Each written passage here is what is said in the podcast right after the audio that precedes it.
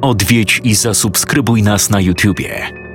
Bądź na bieżąco z nowymi filmami i słuchaj jeszcze więcej mrocznych historii. Mystery TV Więcej niż strach.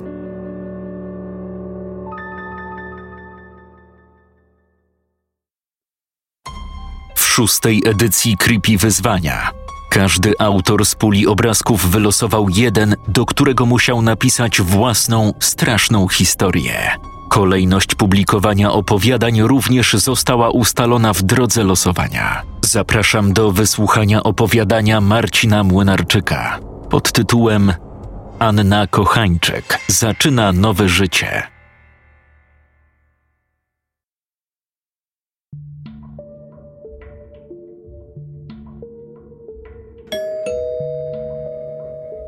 Na dźwięk dzwonka podskoczyła na kanapie.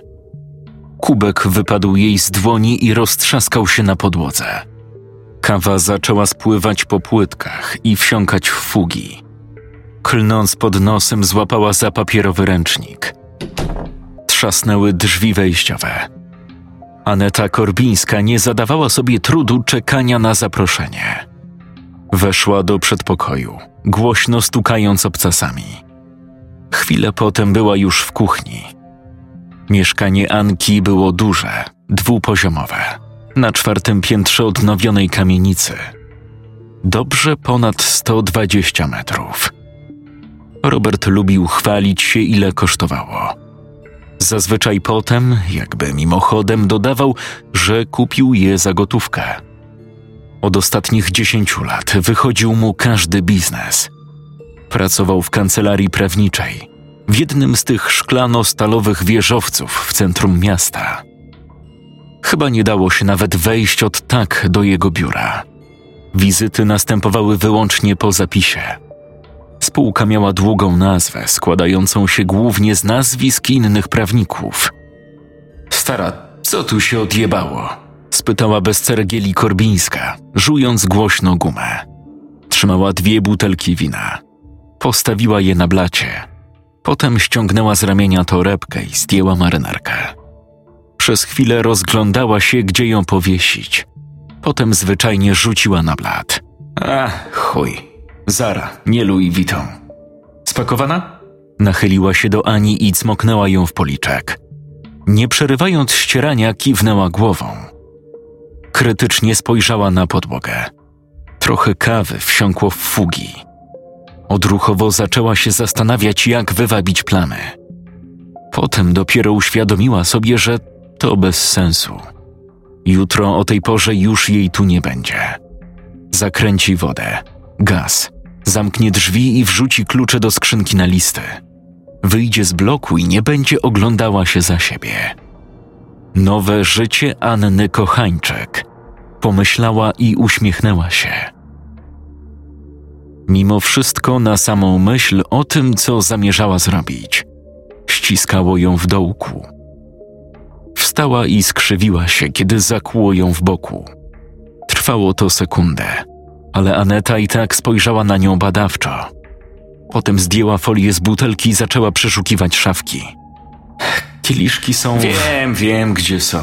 Przerwała jej Korbińska, otwierając drzwiczki. Wieki mnie tu nie było, ale pamiętam takie rzeczy. Kiedy ten chuj wraca? Korba, a mogłabyś mniej bluzgać? Tak, odrobinkę. Robert wraca za tydzień. Odpowiedziała odruchowo zaciskając dłonie. Aneta i jej mąż nie darzyli się sympatią. Było to bardzo łagodne stwierdzenie. Nawet nie używał jej imienia. Anna nie mogła sobie przypomnieć, żeby wyrażał się o niej inaczej niż ta głupia pinda. Zwróciła mu kiedyś na to uwagę. Może trochę zbyt ostro. Chyba się nie zrozumieliśmy, powiedział. Patrzył jej głęboko w oczy, prawie nie mrugając. Nie zdążyła się zasłonić. Był szybki, znacznie szybszy niż wskazywałaby jego masywna sylwetka. Pamięta, że głowa odskoczyła jej do tyłu, a w ustach poczuła metaliczny posmak krwi. To było w drugim. Nie. W trzecim roku ich małżeństwa. Nie była pewna. To już był czas, kiedy przestała liczyć, ile razy dostała. Zdziwiło ją tylko, że uderzył w twarz. Raczej tego nie robił. Łatwo zostawały ślady. Korbińska dwoma haustami opróżniła kieliszek wina i nalała sobie drugi. Miesiąc zamykamy stara. I kwartał. To się tylko skończy i uwalę się w trupa. Tak jak na studiach na drugim roku, pamiętasz? Korba miała koszmarny śmiech. W miejscach publicznych się kontrolowała, ale kiedy była wśród swoich, po prostu rżała jak osioł. Pamiętam. Wlokłam cię do akademika pół miasta. Anka też zaczęła się śmiać. Miała wrażenie, że ucisk w piersi jakby zelżał. Znały się z korbą pół życia. Wychowały razem w domu dziecka. Mimo, że były całkowitymi przeciwieństwami, od razu złapały wspólny język. Korbińska pochodziła z rozbitej, alkoholowej rodziny. Sąd odebrał jej rodzicom prawa jeszcze zanim skończyła trzy lata. U Anny sprawa wyglądała trochę inaczej. Trafiła do bidula mając siedem lat.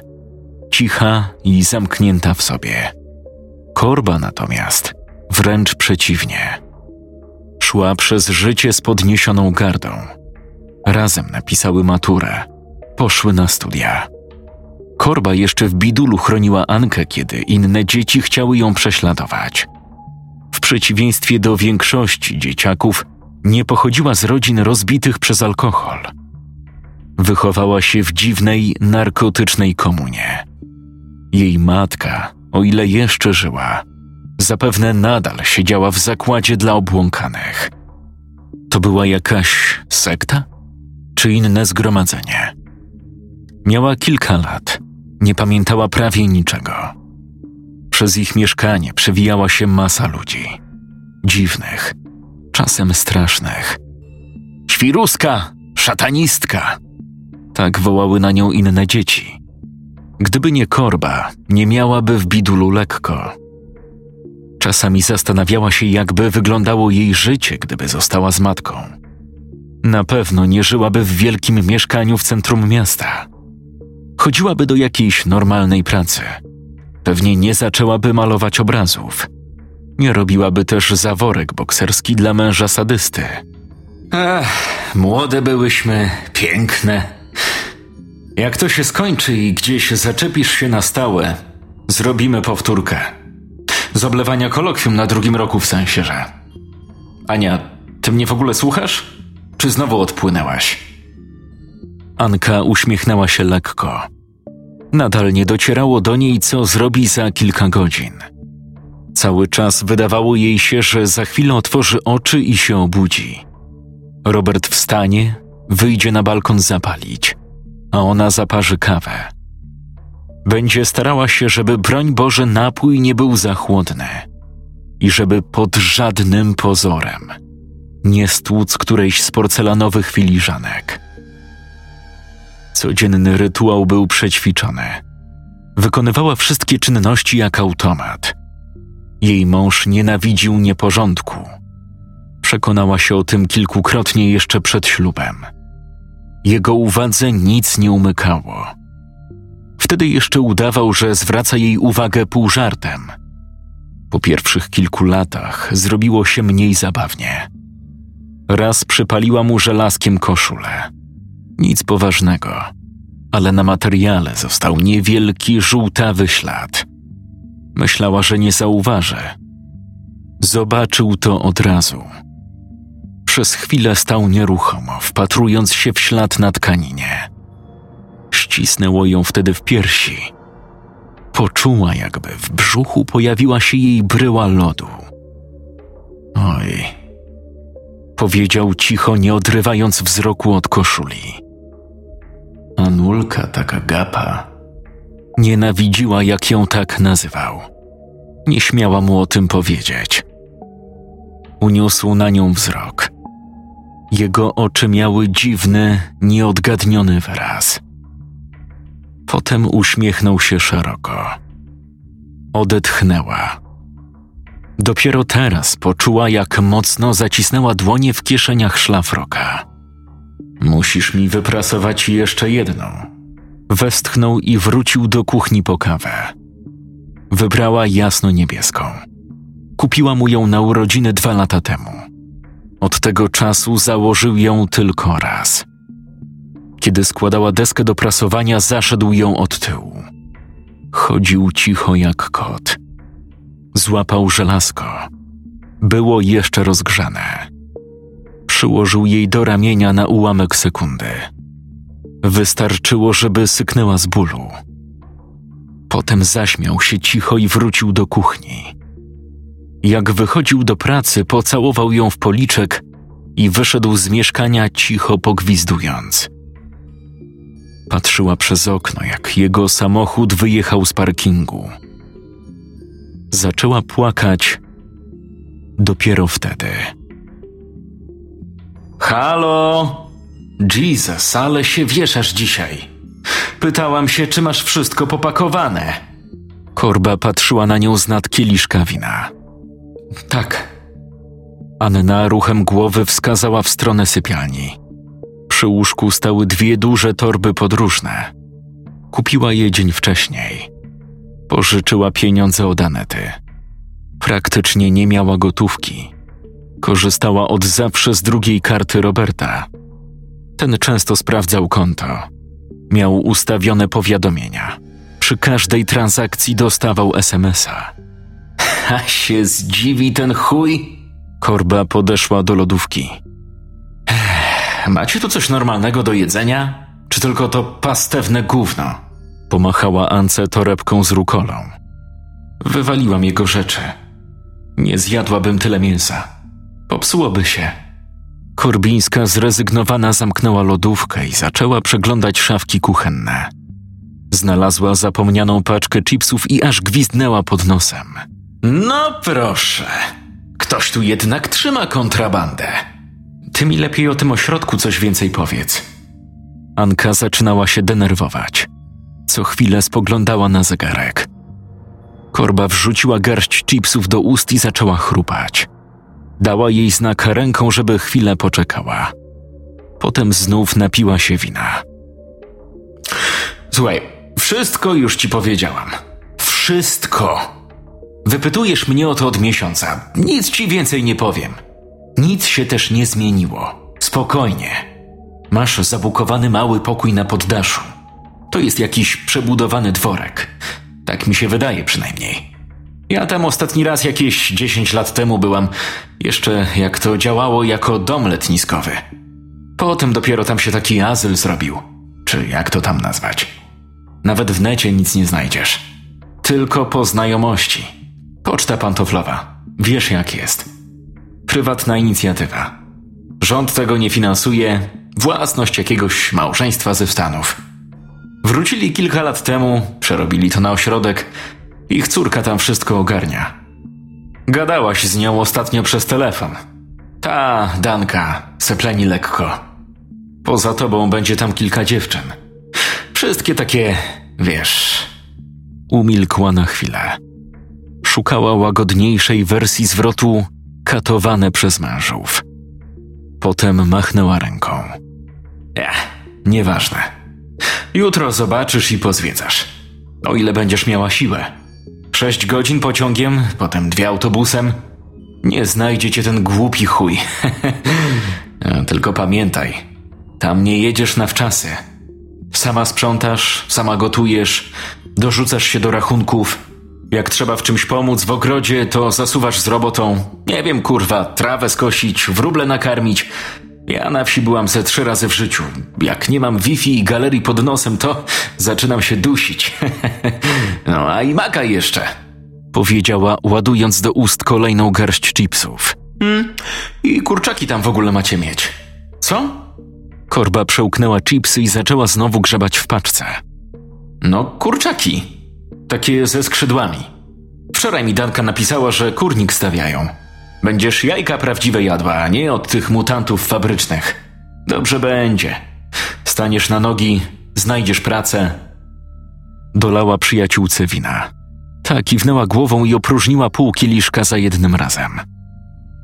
A tak swoją drogą, co z obrazami robisz? Wydałaś komuś? Pokręciła głową. Nie myślała o tym. Miała za dużo rzeczy do zrobienia. Na dobrą sprawę w swoim życiu jutro zmieni więcej niż przez ostatnie kilkanaście lat. Nie, nie chciałam nigdzie wrzucać zdjęć. Robert mógłby na to trafić przypadkiem. Korba pokiwała głową ze zrozumieniem. Anka miała rację. Całą operację ucieczki trzeba było przeprowadzić ostrożnie i z rozwagą. Ucieczki. Skrzywiła się na wspomnienie tego słowa. Kojarzyło jej się z porażką, z byciem przegranym. Anna Kochańczyk ucieka od męża. Powiedziała w myślach, jakby czytała nagłówek z gazety. Gdyby nie pomoc przyjaciółki, nigdy nie zdecydowałaby się na taki krok. Kiedyś, dobre dwadzieścia lat temu, nie mogła pojąć, co kieruje kobietami maltretowanymi przez mężów. Dlaczego po pierwszym ciosie nie pakują walizek i nie jadą na najbliższy dworzec? Zrozumienie przyszło później. Korba dobrze jej to wyjaśniła. Zaczęła mówić o prostych gestach i zachowaniach, które początkowo ignorowała. Potem udawała, że to nic takiego. Zaczęło się od drobiazgów. Podobno zawsze zaczyna się od drobiazgów. Wykręcona ręka. Ramię ściśnięte tak mocno, że zostawały siniaki. Potem przeprosiny, kwiaty. Była głupia. Była głupia jak te wszystkie kobiety łapiące się na maślane oczka damskich bokserów. On się zmieni. On przeprosił. Będzie się starał. Pracuje nad sobą. Poznała Roberta, kiedy była zaraz po studiach. Nie znała pojęcia rodzina. Otoczył ją opieką, adorował. Był zaborczy, stanowczy czasem za bardzo. Kiedy wzięli ślub, jasno zapowiedział, że nie życzy sobie, żeby pracowała. Zaczęła się uzależniać. Powoli. Finansowo. Psychicznie. Nie. Chociaż świetnie zarabiał, pieniądze nie odgrywały tu żadnej roli. Po prostu potwornie bała się, że zostanie sama. Przegrana porzucona. I gdzieś w środku cały czas miała nadzieję, że jej mąż się zmieni. Dopiero korba wybiła jej to z głowy. To było po tym, jak pierwszy raz uderzył ją pięścią. Próbowała namówić Ankę, żeby poszła na policję. Posłuchała. Przyszła na komendę i spędziła tam całe dziesięć minut. Kiedy dyżurny spytał o co chodzi, Odwróciła się napięcie i wyszła. Serce waliło jej jak młot. Zaciskając usta, wybiegła na chodnik i zwymiotowała za rogiem budynku. Za bardzo się bała. Po piętnastu latach małżeństwa dopiął w końcu swego. Miał swoją służącą, swój worek treningowy, swoje całkowicie zależne od niego popychadło. A teraz, już za kilkanaście godzin, to się zmieni. Jednak ucisk w piersi nie zelżał ani na sekundę. Namalowałaś coś nowego? Potrząsnęła głową wyrwana z zamyślenia. Korbińska przewróciła oczami. Obrazy. Pytałam, czy coś nowego namalowałaś. Mm, kilka. Anka sięgnęła po telefon i zaczęła przeglądać galerię zdjęć. Po chwili jednak przerwała. Zresztą, chodź na górę, pokażę ci. Korba jak odkurzacz wciągnęła z torby resztki chipsów i złapała za kieliszek wina. Ruszyły w stronę spiralnych schodów na poddasze. Idź pan w chuj. Ciary od tego mam zawsze. Korbińska machnęła ręką. Stała przed obrazami. Część była na sztalugach.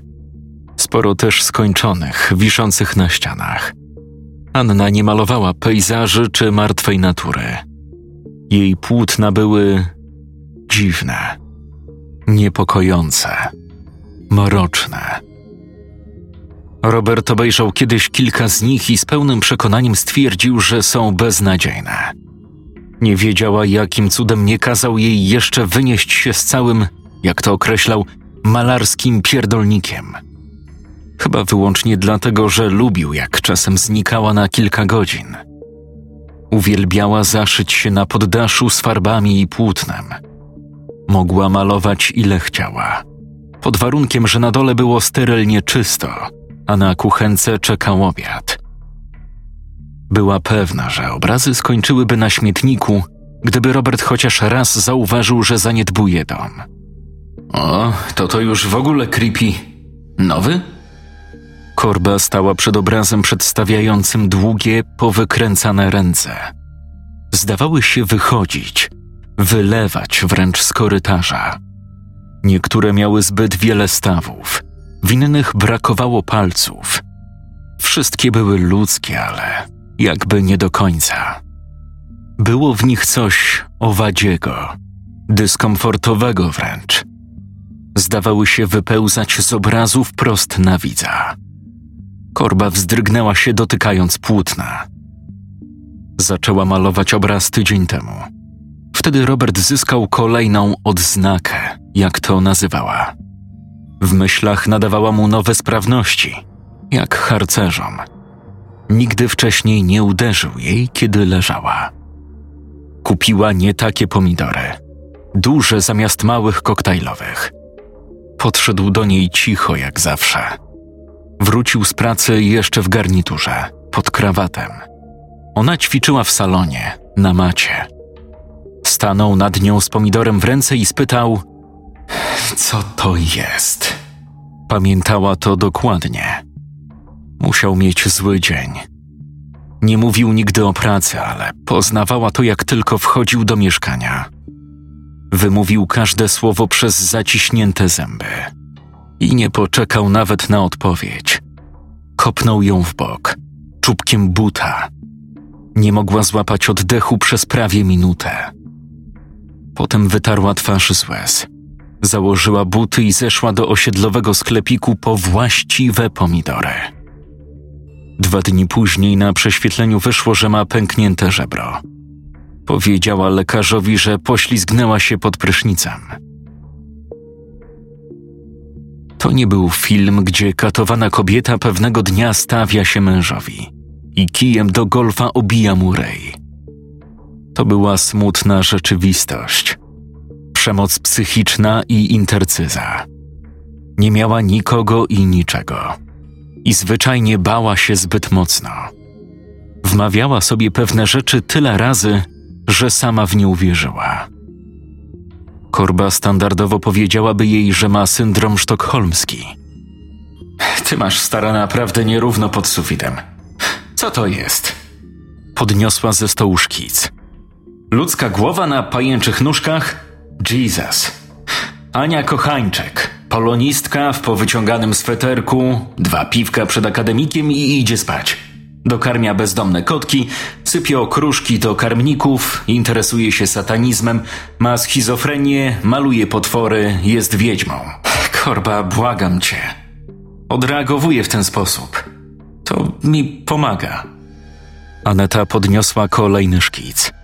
Mężczyzna w garniturze, z dziwną, jajowatą głową z dużymi oczami. Szeroki uśmiech odsłaniał dwa rzędy ostrych kłów. To ten złamas? Twój mąż znaczy się.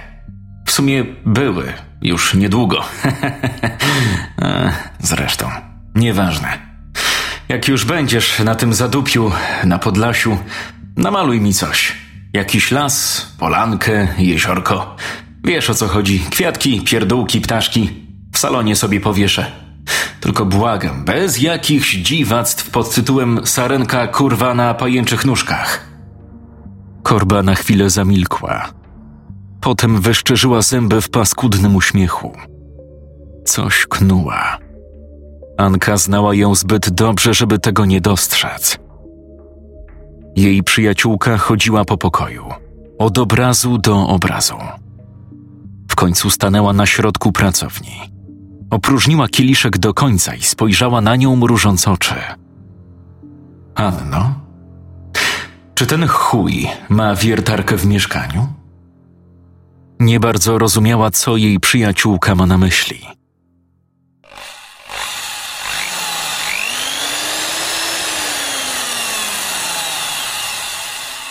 Pół godziny później kończyły wieszać ostatni obraz. Były na ścianach w salonie, nad telewizorem, w kuchni, przedpokoju. Korba uparła się i powiesiła jeden nawet w łazience. Przy wierceniu pękła jedna z drogich, śnieżno-białych płytek.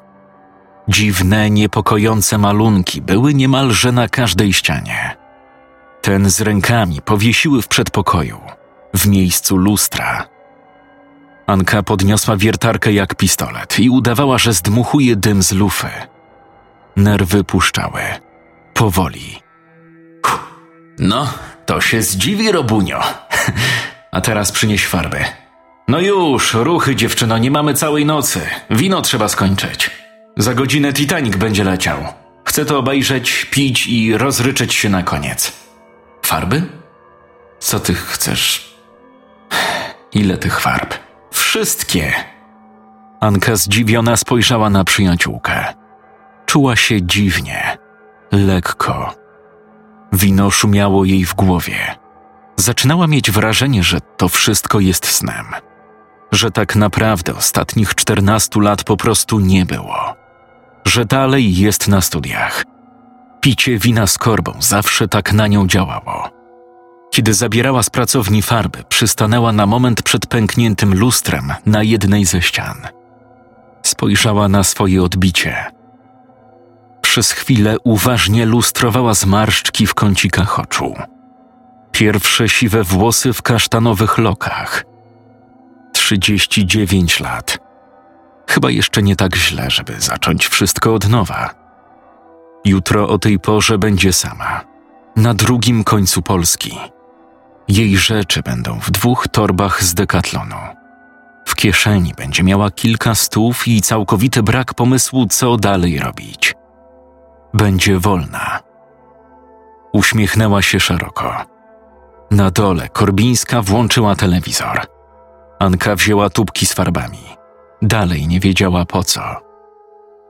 Wszystko stało się jasne, kiedy zobaczyła stertę ubrań Roberta leżących na podłodze. Korbińska musiała wywlec je z szafy, kiedy szukała farb na górze. Podniosła szary sweter z podłogi. O, ten fajny. Wzięłabym na szmatę do podłogi. Czujesz to? Hugo Bossem płytki w kiblu wycierać. A chociaż po tym złamasie bym się brzydziła w sumie. Wyjęła zaskoczonej Ance tubkę czerwonej farby i zaczęła metodycznie brudzić materiał. O, olejne. Zajebiście! Wycisnęła całą tubkę na ubrania. Dawaj następną. Korba, ty jesteś popierdolona, wiem, każdy mi to mówi. Cała garderoba jej męża w kilka chwil zmieniła się w stertę pstrokatych szmat. W powietrzu unosił się zapach olejnej farby. Korbińska otworzyła drugą butelkę wina. Odkładając otwieracz do barku, znieruchomiała na chwilę patrząc na butelki trunków stojące na półkach. Potem, bardzo powoli, odwróciła się do przyjaciółki. Znów miała ten jadowity uśmiech na twarzy. Koniaki, whisky i markowe wódki spłynęły w zlewie w mniej niż pięć minut. Puste butelki stały w równym rzędzie na blacie. Usiadły na kanapie z poczuciem dobrze spełnionego obowiązku. Korba zapaliła papierosa. Anka chciała z początku zaprotestować. Potem uświadomiła sobie, że nie warto. Dym tytoniowy wsiąkający w tapicerkę i firanki nie był już jej problemem. No, zrób jeszcze jakieś wudu czy coś, nie wiem, spal zdjęcie, pukiel włosów, nie wiem jak wy to robicie. Błagam cię, skończ z tym metafizycznym gównem. Nie pierdziel stara. To z matki na córkę przechodzi, z babci na wnuczkę i tak dalej. W każdej książce tak piszą. W każdym filmie tak jest. Wypuściła dym, próbując zrobić kółka. Średnio jej szło. Moja matka była ćpunką, która wykuła sobie oczy. A babcie zamknęli w szpitalu, bo mówiła tak straszne rzeczy, że ludzie dzwonili po policję. Aneta zakrztusiła się winem. Potem spojrzała na nią przerażona. Co ty bredzisz z tymi oczami? Czknęła głośno i klepnęła się w brzuch. Sorry. Anna westchnęła i upiła łyk wina. Wspomnienia o jej, nazwijmy to rodzinie, nie należały do najmilszych. Chwilę przed tym, zanim mnie wzięli do bidula, złapała widelec i wykuła sobie oczy. W kuchni. Krzyczała, że już ich nie potrzebuje, że będzie widzieć wszystko to, co było, jest i będzie. Była naćpana po uszy. Tak myślę. Wydawało mi się, że pamiętam igły, łyżeczki, strzykawki na stole w kuchni. Zresztą nie wiem, to było wieki temu. Jezu, widziałaś to? Włożyła widelec w jedno oko, potem w drugie. Po twarzy płynęła jej ciurkiem krew. I taka, nie wiem jak to nazwać, galaretka. Pamiętam, tak mi się skojarzyło. Dopiero potem sobie uświadomiłam, że to były jej oczy. No a potem zaczęła się śmiać. Śmiała się tak długo, aż zupełnie ochrypła. Jak przybiegli sąsiedzi, przyjechała milicja, potem pogotowie. Wtedy też się śmiała. Więcej już jej nie widziałam. Zresztą chyba już i tak dawno nie żyje. Dzieciaki w bidulu śmiały się, że moja matka była wiedźmą. Na mnie też tak wołali. To było lata temu, korba. Ale te wyzwiska jeszcze czasami dźwięczą mi w głowie. Więc odpuść sobie, jakbyś mogła. Korbińska długo milczała. Potem potrząsnęła głową. Grzbietem dłoni otarła łzę, która spłynęła jej po policzku. Moja matka była ćpunką i wariatką. To wszystko. A ja całe życie mam pod górkę korba. Zresztą koniec. Temat zamknięty. Włącz lepiej ten film. Anka wstała i nalała sobie wina.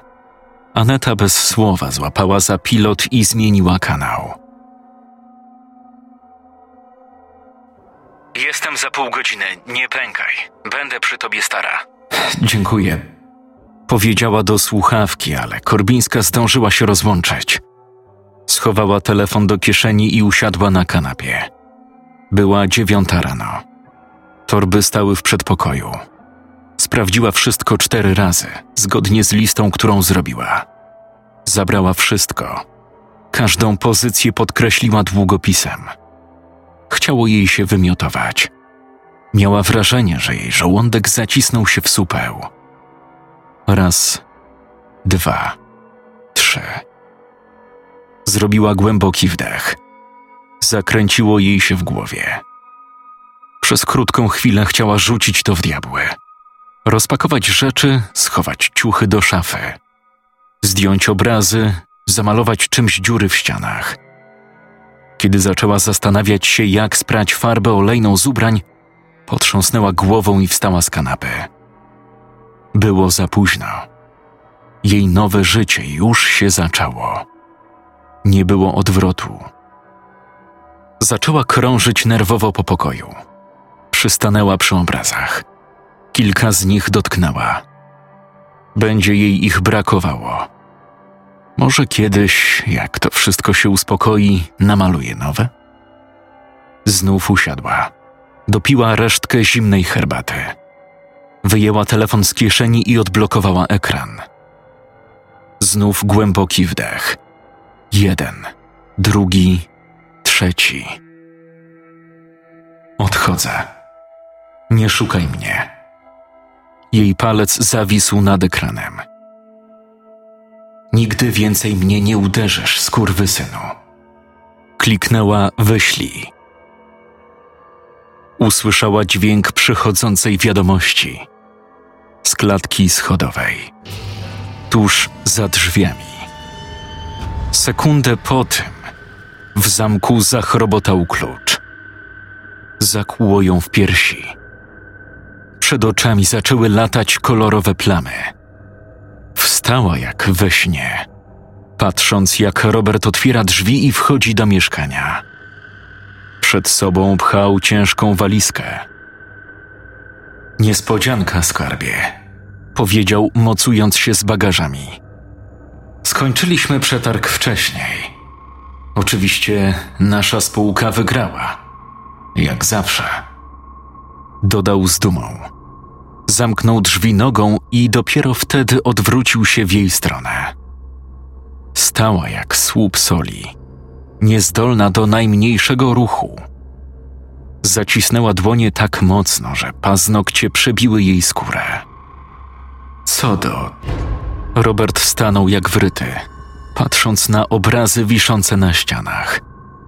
Bez słowa wszedł do środka. Omiótł wzrokiem górę poplamionych ubrań na podłodze. Puste butelki na kuchennym stole. Przez dłuższą chwilę wpatrywał się w dwie wypchane sportowe torby. Dopiero potem spojrzał na nią. Położył aktówkę na podłodze. Widziała, jak na jego skroni zaczyna pulsować żyłka. Chyba coś ci się pomyliło, prawda? Powiedział cicho, idąc w jej stronę. Nie mogła się ruszyć, jakby przerosła do podłogi. Stanął tuż przed nią. Czuła buzującą w nim wściekłość. Źle ci jest? Mało ci? Co ja robię? Co ja kurwa robię nie tak? spytał ponownie. Nie mówił. Prawie syczał przez zaciśnięte zęby. Nie patrzyła mu w oczy. Nie mogła. Wbiła wzrok w podłogę. Teraz posprzątasz ten chlew. Rozpakujesz torby i porozmawiamy. Poważnie. Nie, Robert. Wykrztusiła przez zaciśnięte gardło. Udawał, że tego nie słyszał. Podszedł do ścian i zaczął zrzucać z nich obrazy. Zaczniemy od tego gówna. Jak skończysz sprzątać, wyniesiesz je na śmietnik. Wszystkie. Kolejny obraz upadł na ziemię. Robert nagle odwrócił się w jej stronę. Widziała jego oczy. Poczuła, jak ramiona pokrywa gęsia skórka. Głucha jesteś, krowo? Zamknęła na chwilę oczy. Przez kilka sekund skupiła się wyłącznie na śpiewie ptaków za oknem. Potem pewnym krokiem ruszyła w stronę drzwi wyjściowych. Zarzuciła na ramię jedną, potem drugą torbę. Zdjęła łańcuch z drzwi. Anna Kochańczek zaczyna nowe życie.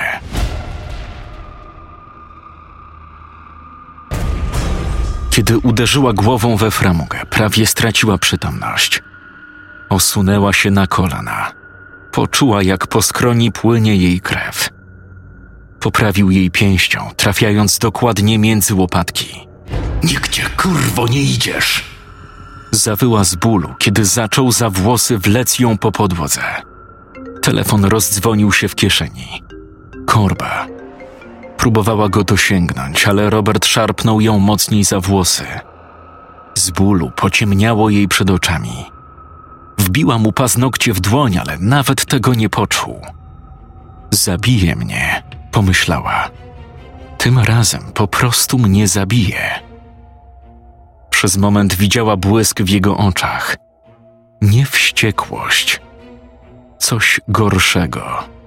Lodowatego. Wtedy Robert wrzasnął i ją puścił. Szybko odczołgała się od niego. Krew zalewała jej oko. Widziała wszystko na czerwono. Odwróciła się i próbowała wstać, ale nie mogła. Zakręciło jej się w głowie. Opadła na podłogę i spojrzała na Roberta. Stał przy ścianie, przodem do niej. Wrzeszczał. Obraz go wciągał. Dosłownie. Malunek z rękami orzeł. Ramiona w upiorny, pajęczy sposób wyszły poza ramę. Zniknęła gdzieś chropawa powierzchnia płótna. Ręce złapały Roberta za marynarkę, włosy i ramiona. Wykręciły je tak, że zawył z bólu. Jedna z szarych, nie do końca ludzkich kończyn natychmiast zatkała mu usta. Stała jak wryta. Widziała, jak szara, sześciopalczasta dłoń chwyta go za włosy i szarpie. Usłyszała ohydny odgłos przypominający darcie papieru. Skóra na czole przy linii włosów pękła, a po twarzy jej męża spłynęła stróżka krwi. Patrzył na nią wytrzeszczonymi oczami. Kolejne ręce wypełzały z za niego, chwytając go i podnosząc coraz wyżej. Obraz go wciągał. Widziała, jak jego stopy odrywają się od podłogi. Machał nogami, rozpaczliwie kopiąc powietrze i ścianę. Lewy but spadł i potoczył się po parkiecie. Trzasnęła łamana ręka. Robert rzucił się, ale ramiona trzymały go w stalowym uchwycie. Ręce zacisnęły się jeszcze mocniej. Obróciły złamaną rękę tak, że kość przebiła rękaw marynarki. Widziała, że z bólu stracił kontrolę nad pęcherzem. Strzelił staw barkowy, nienaturalnie wykręcony. Usłyszała głos pękających kości, prawie straciła przytomność. Jednocześnie kolejne ręce wyłoniły się z obrazu i zaczęły zdzierać włosy razem ze skórą głowy. Jej mąż rzucał się jako szalały. Skalp z cichym plaśnięciem oddzielił się od czaszki. Widziała ją. Białą, gładką, zalaną krwią. Jej mąż cały czas żył. Gryzł dłoń, która zatykała mu usta. Wciąż był przytomny i próbował się uwolnić. Opuściła wzrok. Nie chciała patrzeć na tę potworną, częściowo oskurowaną głowę. Na pełne bólu, zalewane krwią oczy. Ręce szarpnęły raz jeszcze. Robert w całości został wciągnięty w obraz.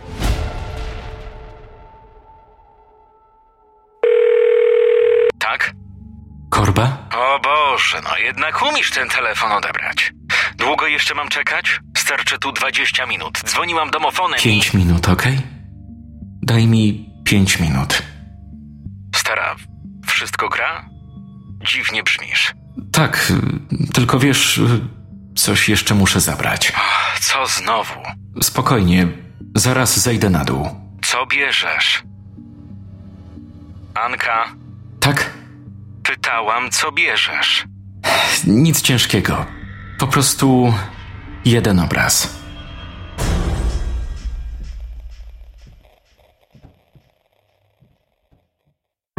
Odwiedź i zasubskrybuj nas na YouTubie. Bądź na bieżąco z nowymi filmami i słuchaj jeszcze więcej mrocznych historii.